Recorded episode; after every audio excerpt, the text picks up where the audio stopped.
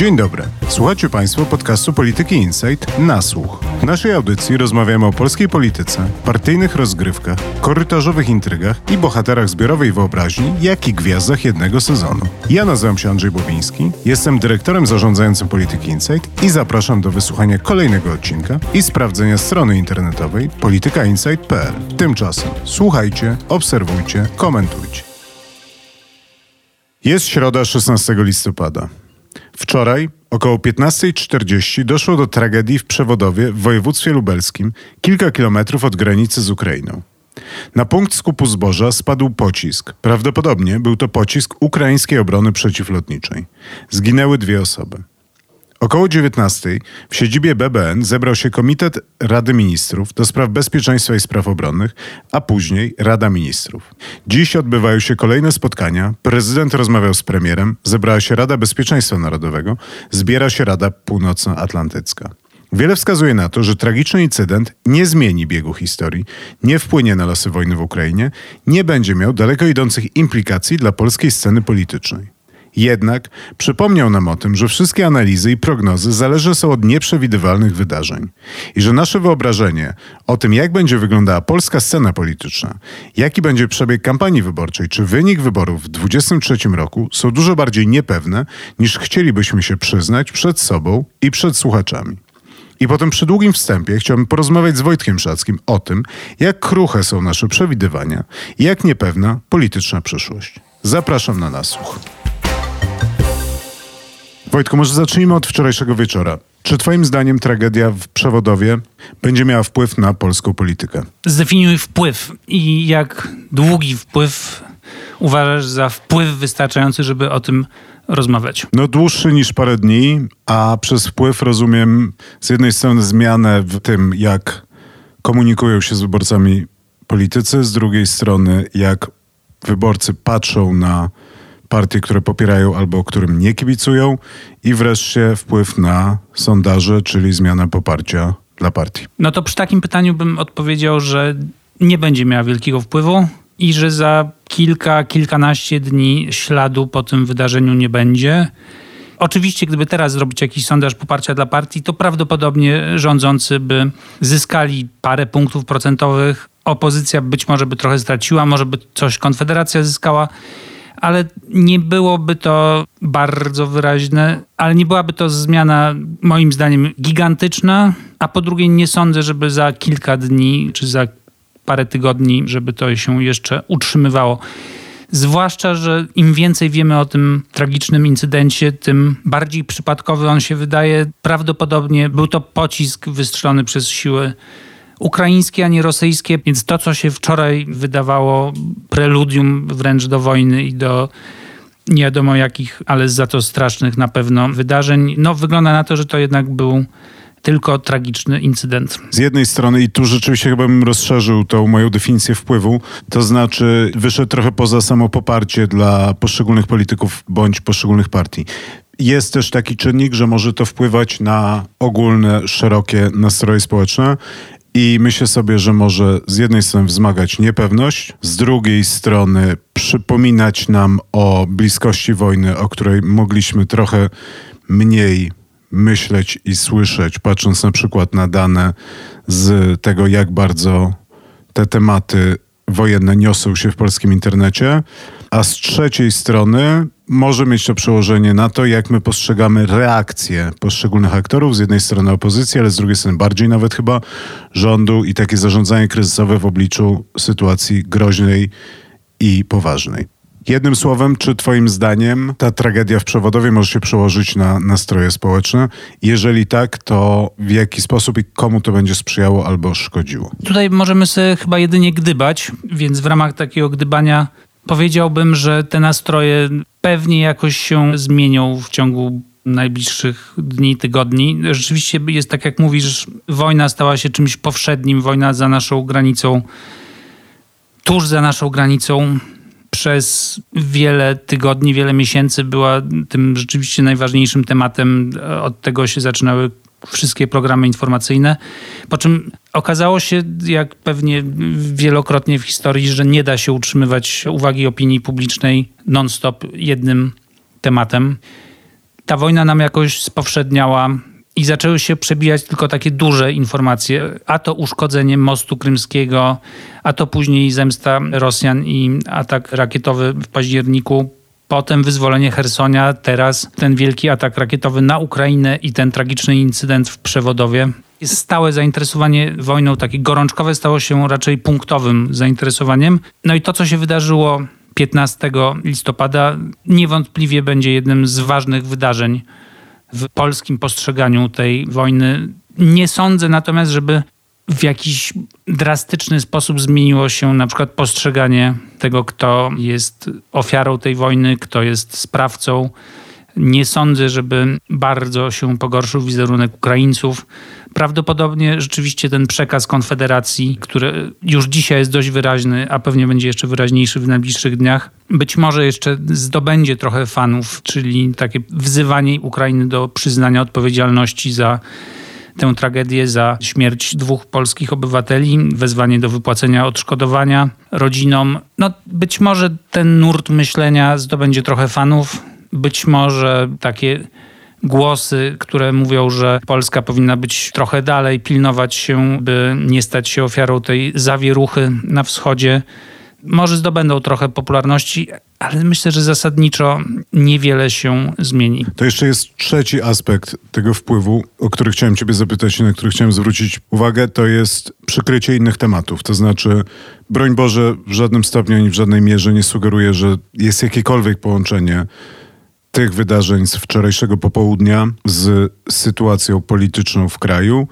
Natomiast ciężko jest nie zauważyć, że przez te wydarzenia, przez ileś dni, prawdopodobnie bardzo dużo w mediach będzie o przewodowie, a tym samym mniej będzie miejsca i mniej uwagi poświęcimy na przykład przegranym dwóm głosowaniom na komisjach wczoraj w Sejmie czy problemom z sytuacją energetyczną, czy napięciom wewnątrz koalicji rządowej, czy wreszcie rozmowom w Brukseli na temat z jednej strony Funduszu Odbudowy, z drugiej strony praworządności. To prawda i trudno się dziwić, to absolutnie naturalne, ale myślę, że się zgodzimy tutaj, że ten efekt będzie trwał ograniczoną ilość czasu. Za chwilę będzie pierwszy mecz reprezentacji Polski w Katarze na mundialu. I znowu będzie można powiedzieć, że reprezentacja przykryła inne tematy. No taka już jest logika mediów, taka jest logika zainteresowania opinii publicznej. Przerabialiśmy to wielokrotnie w historii i to historii najnowszej w tej kadencji, ale potem te tematy wracały inne i też nie przywiązywałbym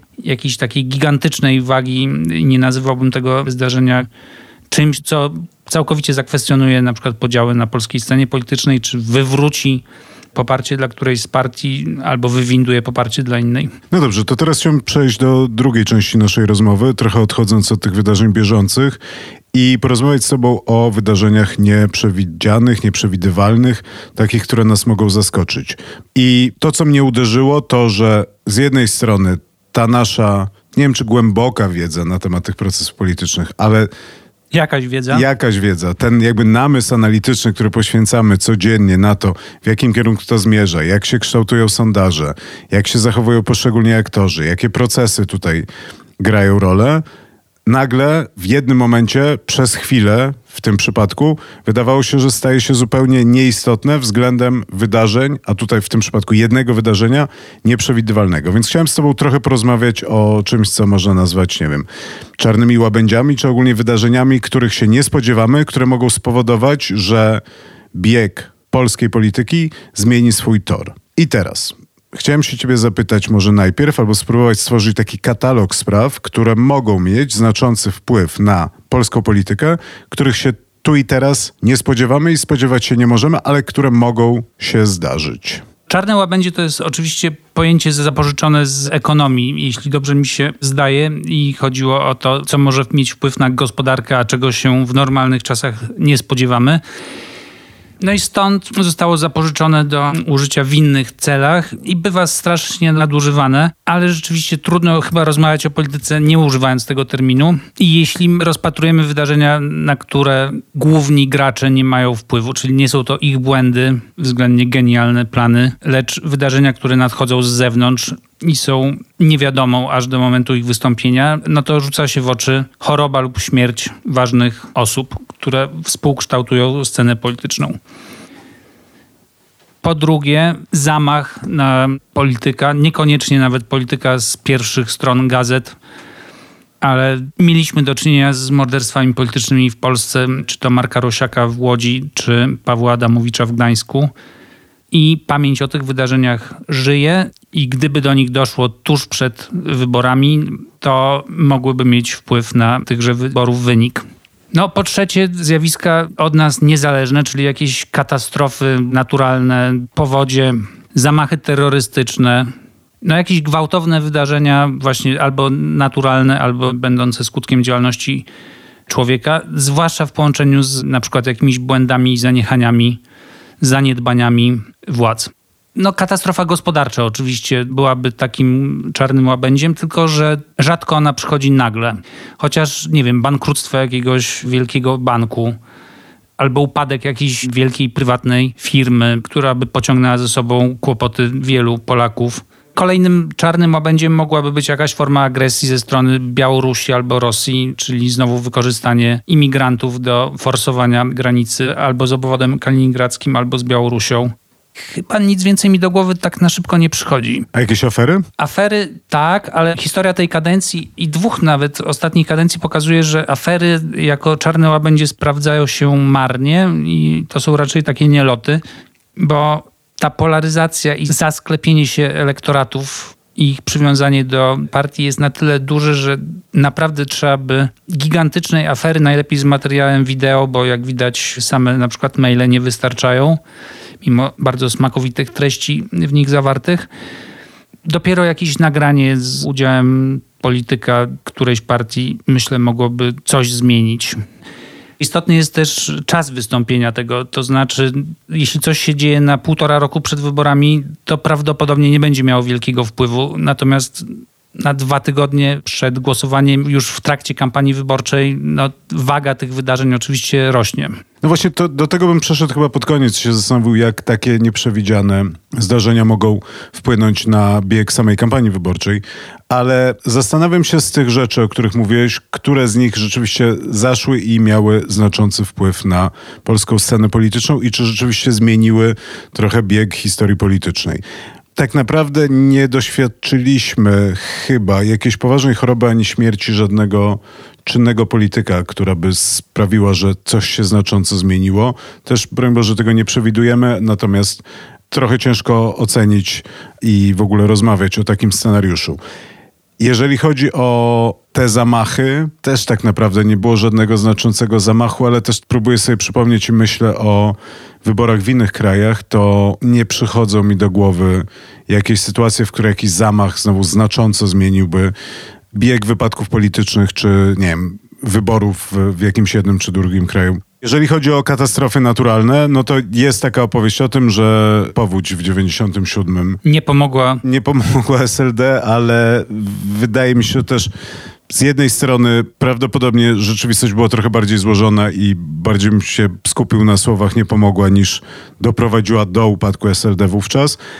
A nie wiem, czy w ogóle możemy jakkolwiek porównywać to do tej sytuacji z Odrą, ale mieliśmy przecież w te wakacje historię o tym, że wydawało się, że jedna z największych polskich rzek jest w fatalnym stanie, jest zatruta i stanowi zagrożenie dla zdrowia ludzi i zwierząt, a z drugiej strony Ciekaw jestem, ile z osób, które nas słuchają, w momencie, kiedy wymienialiśmy ten katalog wydarzeń nieprzewidzianych, w ogóle pomyślało sobie o tej odrze takie rzeczy, które mam wrażenie miały duży i głęboki wpływ na naszą politykę, ale z drugiej strony one zostały oswojone i już się do nich przyzwyczailiśmy, no to jest siłą rzeczy wojna. To jest coś, co w sposób oczywisty zmieniło układ sceny politycznej. Pandemia, aczkolwiek tak naprawdę pytanie, czy pandemia zmieniła wiele, poza tym, że zmieniła bardzo wiele w naszym życiu, ale nie wiem, czy zmieniła tak bardzo dużo w naszej polityce. Rozmawialiśmy jeszcze o kryzysie na granicy, czyli to było coś, co rzeczywiście jakoś dało dopalenie i rozmawialiśmy o wyroku aborcyjnym Trybunału Konstytucyjnego, co też jakoś tam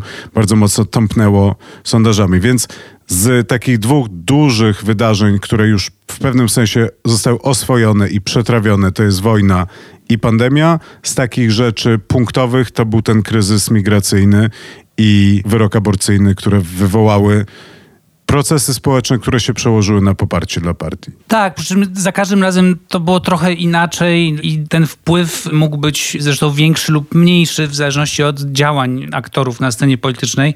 No bo weźmy taką pandemię. Było bardzo blisko tak naprawdę, żeby to doprowadziło do rewolucji w polskiej polityce. Przecież pamiętamy końcówkę tej kampanii wyborczej, tej pierwszej kampanii wyborczej prezydenckiej przed wyborami kopertowymi, które się ostatecznie nie odbyły. Tam kandydatka Platformy Obywatelskiej Małgorzata Kidawa-Błońska była słabsza od Szymona Hołowni, była słabsza od Władysława Kosiniaka-Kamysza i gdyby tak się zakończyły wybory, tak naprawdę niewiele zabrakło. To znaczy mogło tak się zdarzyć, to Platforma Obywatelska znalazłaby się w dużo większym kryzysie, a być może teraz to Polska 2050 Szymona Hołowni byłaby główną siłą opozycyjną w Polsce, więc Czarne łabędzie mogły też czasem uruchomić procesy, które się do końca nie zmaterializowały, ale były bardzo bliskie materializacji. Z kolei na przykład ta sprawa na granicy oraz atak Rosji na Ukrainę zatrzymał spadki PiSu. Gdyby PiS był słabszy o te kilka punktów procentowych przez ostatnie kilkanaście miesięcy, to też mogłyby się uruchomić różne procesy w obozie władzy, które by doprowadziły do przyspieszenia dezintegracji. Bo pamiętamy, co się działo z PiSem na początku obecnego roku. To był wielki chaos związany z Polskim Ładem. To były notowania tuż powyżej 30%. To była dymisja ministra finansów i komunikacyjny chaos. Teraz już o tym trochę nie pamiętamy, ale tak było i PiS był wtedy w obliczu bardzo poważnego kryzysu politycznego. Cała Zjednoczona Prawica była w obliczu wielkiego kryzysu. To było bardziej takie polityczne brzydkie kaczątko niż czarny łabędź. Więc wtedy się bardzo dużo zmieniło, chociaż teraz już o tym trochę nie pamiętamy, a trochę tego nie doceniamy. Dobrze, Wojtku, to jeszcze zapytam Ciebie o to, czy i jak politycy z obu stron barykady mogą się przygotować na wydarzenia nieprzewidywalne. To znaczy, tak naprawdę, czy mogą, czy to ma sens i jak powinno wyglądać, też trochę patrząc na wczorajszy dzień, na dzisiejszy dzień, ale też i wstecz, i w przód, jak powinno wyglądać zarządzanie kryzysowe w obliczu z jednej strony katastrof, a z drugiej strony wydarzeń nadzwyczajnych. Nie sądzę, żeby polscy politycy mieli jakąś wielką predylekcję do przewidywania czarnych łabędzi, do przygotowywania swoich reakcji. No, w końcu trudno w sytuacji, gdy oni i tak prawdopodobnie cały czas myślą, co by tutaj zrobić w okolicznościach znanych i spodziewanych, to żeby jeszcze marnowali czas na rozpatrywanie zdarzeń przyszłych i niepewnych. I nie sądzę, żeby również ich doradcy się tym jakoś specjalnie zajmowali. No dobrze, ale nie, Wojtku, ja chętnie pociągnę tą myśl, bo tak sobie patrzę na reakcję znowu z tego wieczora, z tego dnia i z wydarzeń przeszłych. I mam takie poczucie, że na przykład różne sytuacje nagłe, kryzysowe budują prezydenta Andrzeja Dudę. Budują go dlatego, że on ma urząd, który jest z jednej strony niezależny od poparcia czy sondaży partyjnych, więc prezydent Andrzej Duda może wyjść i powiedzieć to, co uważa za słuszne, nie musi kombinować i nie musi robić jakichś rachunków politycznych, zysków i strat tego, że powie to albo powie tamto. Ma dosyć szeroki instrumentarz zachowań, ma instytucje, ma RBN, ma BBN, ma ludzi wokół siebie, więc jakby to jest coś, co buduje taką no tak, ale on się, na to nie, on się na to nie szykuje. On nie, nie, po prostu to... to ma y, i rzeczywiście no, ma telefon do prezydenta Joe Bidena, może zadzwonić w zasadzie do każdej głowy państwa, a na pewno do każdej głowy państwa z NATO i porozmawiać. Może zwołać RBN, może zaprosić liderów rządu na jakieś narady. No ale to nie jest coś, co on sobie wymyślił na potrzeby czarnych łabędzi, tylko to jest po prostu ta machina i ten urząd, który ma. Tak, ale chodzi mi o to, że on ma taką skrzynkę narzędziową, z której może korzystać, a jeszcze do tego już parę razy z niej korzystał, więc też się nauczył i jakby nie wchodzę tutaj w to, w jaki sposób przemawia, czy jako robi minę, ale ogólnie, że po prostu ma ileś zachowań, które już zna, umie i z których korzysta i dobrze. Ale to każdy polityk tak ma. Premier ma własną skrzynkę z narzędziami, być może ciut mniej pojemną niż prezydent. Chociaż ale ona jest dużo trudniejsza. No. no pewnie jest też trudniejsza w użyciu, ale też liderzy opozycji mają własne skrzynki. No więc przejdźmy i przez oni zawsze, skrzynki. zawsze sięgają, albo prawie zawsze po te same narzędzia. Przejdźmy przez skrzynki. Mateusz Morawiecki. Z jednej strony musi bardzo intensywnie zastanawiać się, jak się zachować. Jakby jest cały ten sztafaż taki PR-owo-polityczny. I nie mówię tego złośliwie, nie mówię tego negatywnie. Jest to dosyć naturalne, że będąc w tym miejscu, w którym jest, w tej sytuacji, w jakiej jest, musi zastanawiać się, i ważyć każde słowo. Z drugiej strony ma rząd cały, który stoi za nim, który niekoniecznie go popiera i też sporo osób w partii rządzącej czeka, aż powinie mu się noga. Z trzeciej strony ma Jarosława Kaczyńskiego i też musi prawdopodobnie skonsultować się, poczekać, ustalić, więc ma ileś ograniczeń, uwarunkowań, które wpływają na to, jak się zachowa. Więc to jest ma też partnerów zagranicznych. W tym przypadku akurat, bo rozmawiamy akurat o tym czarnym łabędziu. Rozmawia z premierem Ukrainy, rozmawia z partnerami z NATO. Jasne. Coś może robić. Donald Tusk zbiera swoich ludzi, zbiera partię, zwołał klub, rozstawia flagi, poważnym, zdecydowanym głosem mówi o potrzebie solidarności w obliczu kryzysów, o tym, że musimy wszyscy współpracować i też sprawia wrażenie, też z racji na swój wiek, doświadczenie, wcześniejsze kryzysy, z którymi sobie radził, też ma jakieś takie narzędzia, że... Gravitas. Ma taki gravitas. Rafał Trzaskowski i inni prezydenci miast, to też widzieliśmy, zwołują szybko sztaby kryzysowe, raz lepiej, raz gorzej to wygląda, ale z drugiej strony też to są urzędy. Szymon Hołownia, myśl sobie o tym polityku, ma trochę najgorzej, bo nie ma tych ludzi, nie ma tego gravitas, nie ma tego doświadczenia, więc teraz jak patrzyłem w telewizor, no to Szymon Hołownia zakłada okulary i jedzie pod Pałac Namiestnikowski na krakowskim przedmieściu, udziela jakiejś wypowiedzi mediom, no bo trochę niespecjalnie ma co innego zrobić. Zastanawiam się, co można zrobić ponad to, jak można wyjść z tej skrzynki narzędziowej, jak można właśnie przygotować się na te wydarzenia. Czy nie jest tak, że jednak ci nasi politycy, poza tym co oczywiste i poza tym co bieżące i poza tym co wynika z natury danego kryzysu, nie powinni przepracować tych sytuacji, mając świadomość tego, że żyjemy w takich czasach. Że te czarne łabędzie za każdego rogu mogą Mogą wylecieć. w każdym momencie wylecieć, a jesteśmy w takim momencie, że wydaje się, chociaż jeszcze do tego przejdziemy, że mogą one mieć wpływ na na przykład wynik wyborów i mogą decydować o tym, czy jakaś partia wygra albo przegra, czy wręcz może zostać zmieciona ze sceny. Czuję, że nie przekonuje ciebie, że ty uważasz, że tu nie ma. Ty mnie o tyle nie przekonujesz, że prawdopodobnie wielu mądrzejszych od nas ludzi, i to nie tylko w Polsce, zastanawiało się nad tym i chyba nie ma jakiejś takiej uniwersalnej złotej zasady, że politycy mają jakiś cudowny sposób na to, żeby myśleć poza pudełkiem z tymi narzędziami.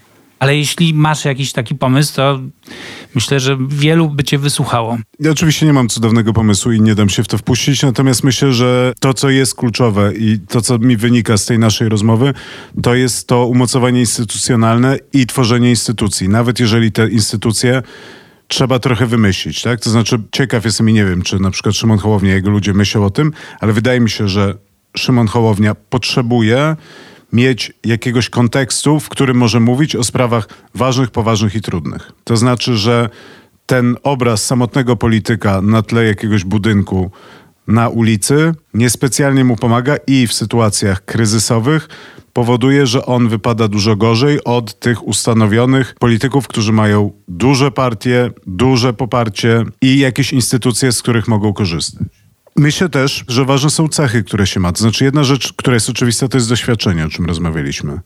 Z drugiej strony, to jest też jednak jakaś odporność na stres. Z trzeciej strony to jest umiejętność jednak podejmowania szybkich decyzji. Znaczy, jeżeli polityk siedzi i przez cztery godziny zastanawia się, jak wyważyć właściwe słowa, no to ucieka mu moment, w którym powinien wyjść i tak naprawdę chyba przede wszystkim dać poczucie, że widzi, rozumie, czuje i dać poczucie pewności osobom, które chcą go słuchać. Tu uwaga na boku, ja nie rozumiem, dlaczego była taka zwłoka z jakąkolwiek informacją, dlaczego Polacy musieli się opierać na doniesieniach albo nieoficjalnych z Zachodu, albo na słowach różnych polityków, w tym polityków z regionu, z krajów nadbałtyckich i dlaczego premier do tej pory, już prawie dobę po tym wydarzeniu, nie zdecydował się na zwołanie konferencji prasowej, tylko wychodził i wygłaszał krótkie komunikaty, po czym odwracał się i znikał za jakimiś drzwiami. I wiele osób zresztą punktuje tę reakcję jako niewystarczającą. No więc ja nie mam łatwości krytykowania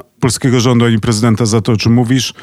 Wydaje mi się, że to jest kwestia z jednej strony ogólnie delikatności, z drugiej strony pełnej wiedzy, a z trzeciej strony może rzeczywiście i tu może jest jakiś błąd tego, że zabrakło trochę wyjścia i powiedzenia, co wiemy, a czego nie wiemy. Tak? To znaczy, że tutaj bardzo długo prawdopodobnie naradzano się, w jaki sposób w ogóle zareagować i ustalić, co się wydarzyło i jak my się mamy do tego odnieść. Ja nie mówię nawet, żeby powiedzieli wszystko, co wiedzą, tylko żeby powiedzieli cokolwiek uspokajającego, a nie zamykali się na wiele godzin. No więc tu chciałem ciebie zapytać trochę o odwrotność tej skrzynki z narzędziami, bo myślę sobie, że szczególnie w takim momencie, w jakim jesteśmy politycznym, czyli zbliżając się już do kampanii wyborczej i do bardzo ważnych wyborów, które odbędą się w przyszłym roku, w obliczu takich kryzysów błędy i myślę, że to może też spowalniać reakcję, ważą i kosztują bardzo dużo. I tak naprawdę mam wrażenie, ale chciałem Ciebie o to zapytać, czy nie jest trochę tak, że na tych kryzysach można więcej stracić niż zyskać? To znaczy, że ten zakres działań, które można podjąć, te sposoby radzenia sobie w sytuacjach kryzysowych są dosyć proste, oczywiste i powtarzalne. Natomiast to, co najwięcej waży i to, co może najbardziej zaboleć, to jest błędna reakcja. Niedocenienie, przewartościowanie, przegapienie momentu i tak dalej, i tak dalej. Ja już przy twoim poprzednim pytaniu miałem to na końcu języka, a teraz już chciałbym to chyba powiedzieć, że to, o czym mówisz, odnosi się tak naprawdę nie tylko do sytuacji nadzwyczajnych, do czarnych łabędzi, tylko w ogóle do polityki, do zawodu polityka. Znaczy cechy, które miałby polityk idealny w sytuacji czarnego łabędzia, czyli nie wiem, refleks, otwartość, charyzma, umiejętność sformułowania komunikatu, który współgra z nastrojami wyborców, rodaków. To się sprawdza również w każdej innej sytuacji. Zwykle nie jest tak, że jeśli ktoś jest wybitnym politykiem, to później nagle przy okazji jakiegoś czarnego łabędzia staje się politykiem fatalnym, który traci wszystko w mgnieniu oka. Tak, ale jestem w stanie sobie wyobrazić, że są wydarzenia, które budują poszczególnych polityków i którzy się odnajdują w takich sytuacjach i zaczynają punktować i szczerze mówiąc, powiem to wprost, moim zdaniem wojna w Ukrainie, jakkolwiek źle to brzmi, bardzo pomogła Andrzejowi Dudzie i zmieniła nasze postrzeganie Andrzeja Dudy. Myślę, że to było też kwestia doświadczenia, tego, że on lepiej się poczuł na tym urzędzie i tak dalej, i tak dalej, ale jakkolwiek można lubić albo nie lubić Andrzeja Dudy, ale myślę, że każda myśląca osoba porównując pierwszą i drugą kadencję Andrzeja Dudy dostrzeże olbrzymią różnicę, sprawność i umiejętność radzenia Zgoda, sobie no a w mniejszej skali można to było obserwować we Wrocławiu, jak po powodzi umocniła się pozycja Bogdana Zdrojewskiego, którego mieszkańcy zapamiętali z pomocy na wałach. A w drugą stronę jest Włodzimierz Cimoszewicz, jeżeli rozmawiamy, jakoś bardzo nam w tą powódź to wszystko idzie. Jest Włodzimierz Cimoszewicz, który mówi, trzeba było się ubezpieczyć i zostaje to jako jeden z takich cytatów, które prawdopodobnie będziemy pamiętać z tego trzydziestolecia jako no jedno z najbardziej niefortunnych sformułowań, które moim zdaniem prawdopodobnie jednak nie zaważyło znowu na historii politycznej tego kraju, ale no na pewno nie pomogło jego formacji, a wydaje mi się, że też możemy powiedzieć o Włodzimierzu Cimoszewiczu, że wszystko, co się wydarzyło potem świadczyłoby, że to też nie jest tak, że to był jakiś miałki i niesprawny polityk. Choć wycofał się z kampanii prezydenckiej w 2005 roku, a wypowiedź z 97 to po pierwsze było jednak wycięte dość mocno z kontekstu, a po drugie ta wypowiedź była przed powodzią tysiąclecia. To było na samym początku tych deszczy, na samym początku tej powodzi, która wówczas jeszcze wydawała się bardzo lokalna i niegroźna. No dobrze, Wojtku, to teraz wracając trochę do początku naszej rozmowy, może przesadzamy, może jednak te czarne łabędzie, może te kataklizmy, może te wydarzenia niespodziewane tak naprawdę tak dużo nie ważą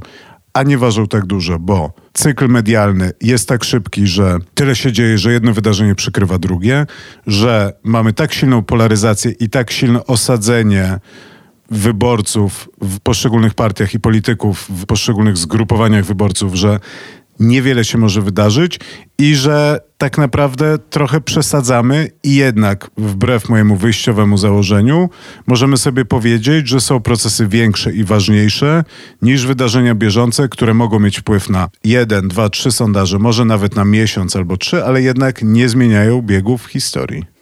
Wycofujemy się z wyjściowej tezy? Nie, mam wrażenie, że na początku zresztą tych tez postawiliśmy tak dużo, że z której się pewnie wycofamy, a którąś potwierdzimy. Upierałbym się jednak przy tym, że bardzo ważny jest moment, w którym dany czarny łabędź nadleciał. I jeśli coś zmieniłoby sondaże na miesiąc, dwa, no to gdyby to nastąpiło na miesiąc czy dwa przed wyborami, no to mówilibyśmy o epokowym wydarzeniu, które wpłynęło na bieg historii. Prawdopodobnie, jeśli coś się wydarzy w środku kadencji, czy nawet na rok przed wyborami, to nie będzie miało takiego wpływu. Z trzeciej strony, jak już dzielimy włos na czworo, no to może być tak, że nie tak dawno rozmawialiśmy o tym, jakie znaczenie mają sondaże, nawet te bieżące, dla przyszłych wydarzeń politycznych. I ja mam od dawna tezę, że jeśli PiS zacznie tracić wyborców, jeśli PiS zostanie wyprzedzony przez Platformę Obywatelską na ileś miesięcy przed wyborami, to proces upadku i rozpadu Zjednoczonej Prawicy przyspieszy. Więc jeśli trzymam się tej tezy, to muszę się również pogodzić z jej odwrotnością, czyli jeśli PiS nieco urośnie w sondażach, to będzie mu łatwiej później przeskoczyć w tryb kampanii wyborczej. Będzie mu łatwiej pewnie sięgnąć również po Mariusza Błaszczaka jako na przykład reprezentanta PiSu dbającego o bezpieczeństwo Polski.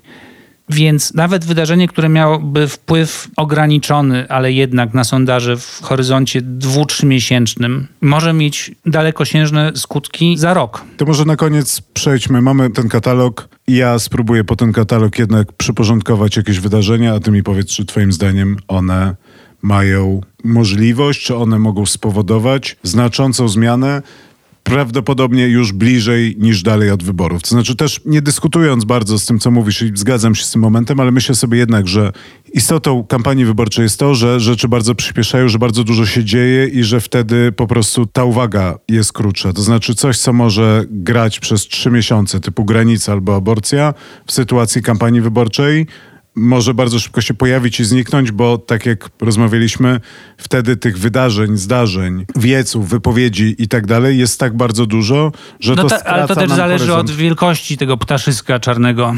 Choroba bądź śmierć najważniejszych graczy i tu mówię o Jarosławie Kaczyńskim, Donaldzie Tusku. Wydaje mi się, że to jest dosyć oczywiste. Nie wiem, czy jest o czym dyskutować, że to zmienia wszystko.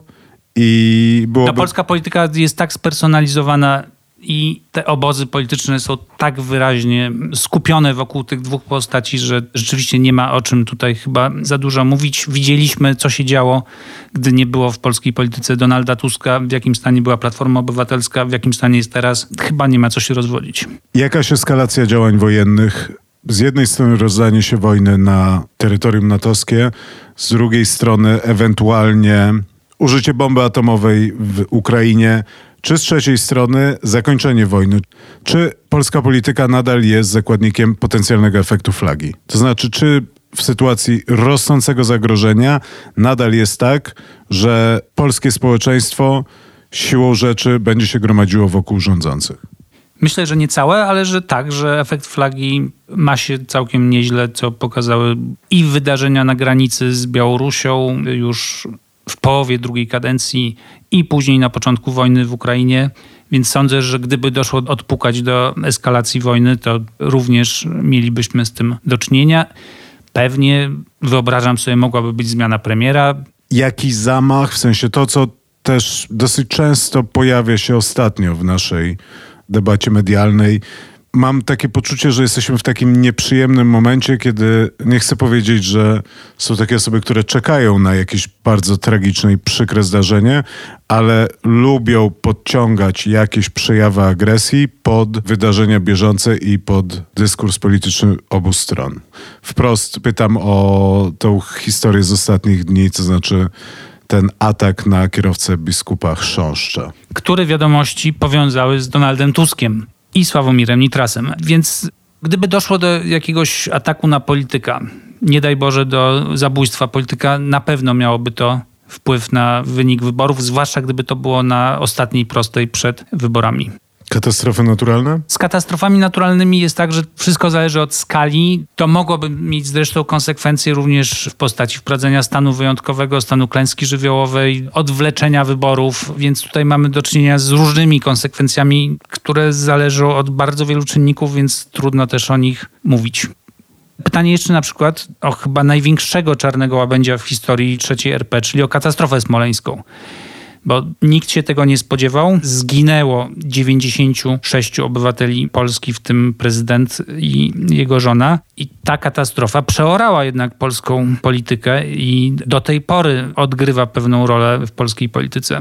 Ale z drugiej strony nie wydaje mi się, żeby w krótkim, a nawet średnim terminie pomogła stronie, która poniosła największe straty. Dobrze, Wojtku, podsumowując, na ile możemy być pewni tego, co dziś wiemy o polskiej scenie politycznej? Jak krucha jest nasza mądrość analityczna? Czy masz poczucie, że w tych czasach, w których żyjemy, w tych czasach permanentnej niepewności, to jest tak, że procesy, które my obserwujemy, czyli głębokie, głębokie podziały w Zjednoczonej Prawicy, głęboki kryzys gospodarczy, wojna na naszej granicy, problemy z polityką energetyczną, mówiąc oględnie i naokoło.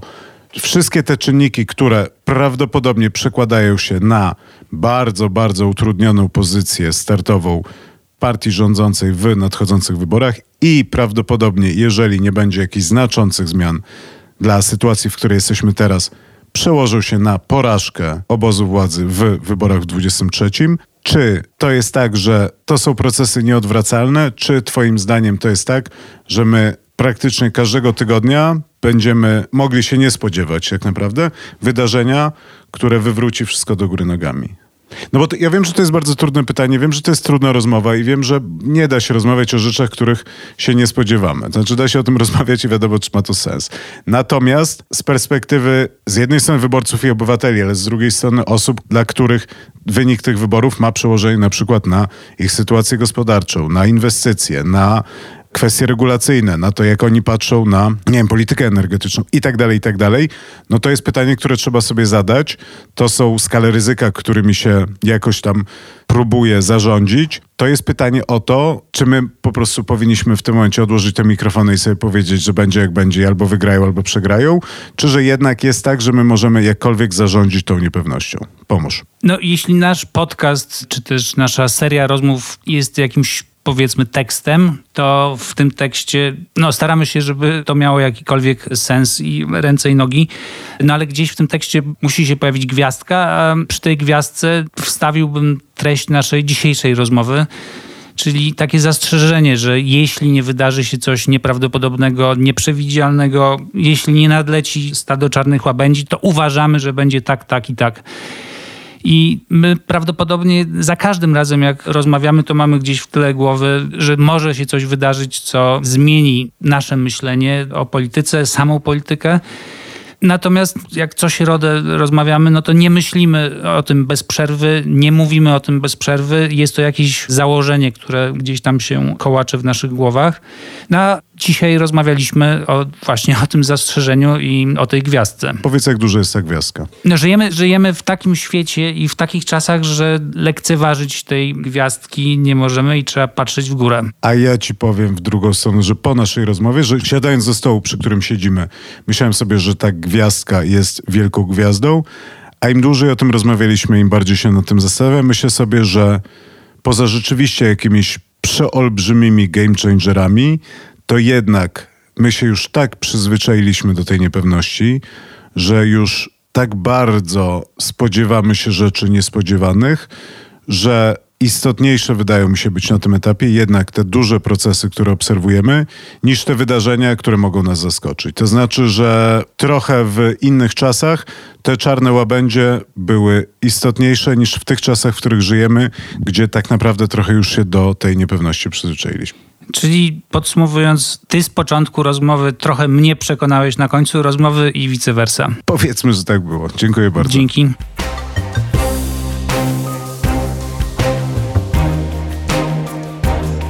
Na dziś to wszystko. Posłuchajcie również innych naszych podcastów, które znajdziecie w większości serwisów podcastowych. W pole wyszukiwania wpiszcie po prostu Polityka Insight.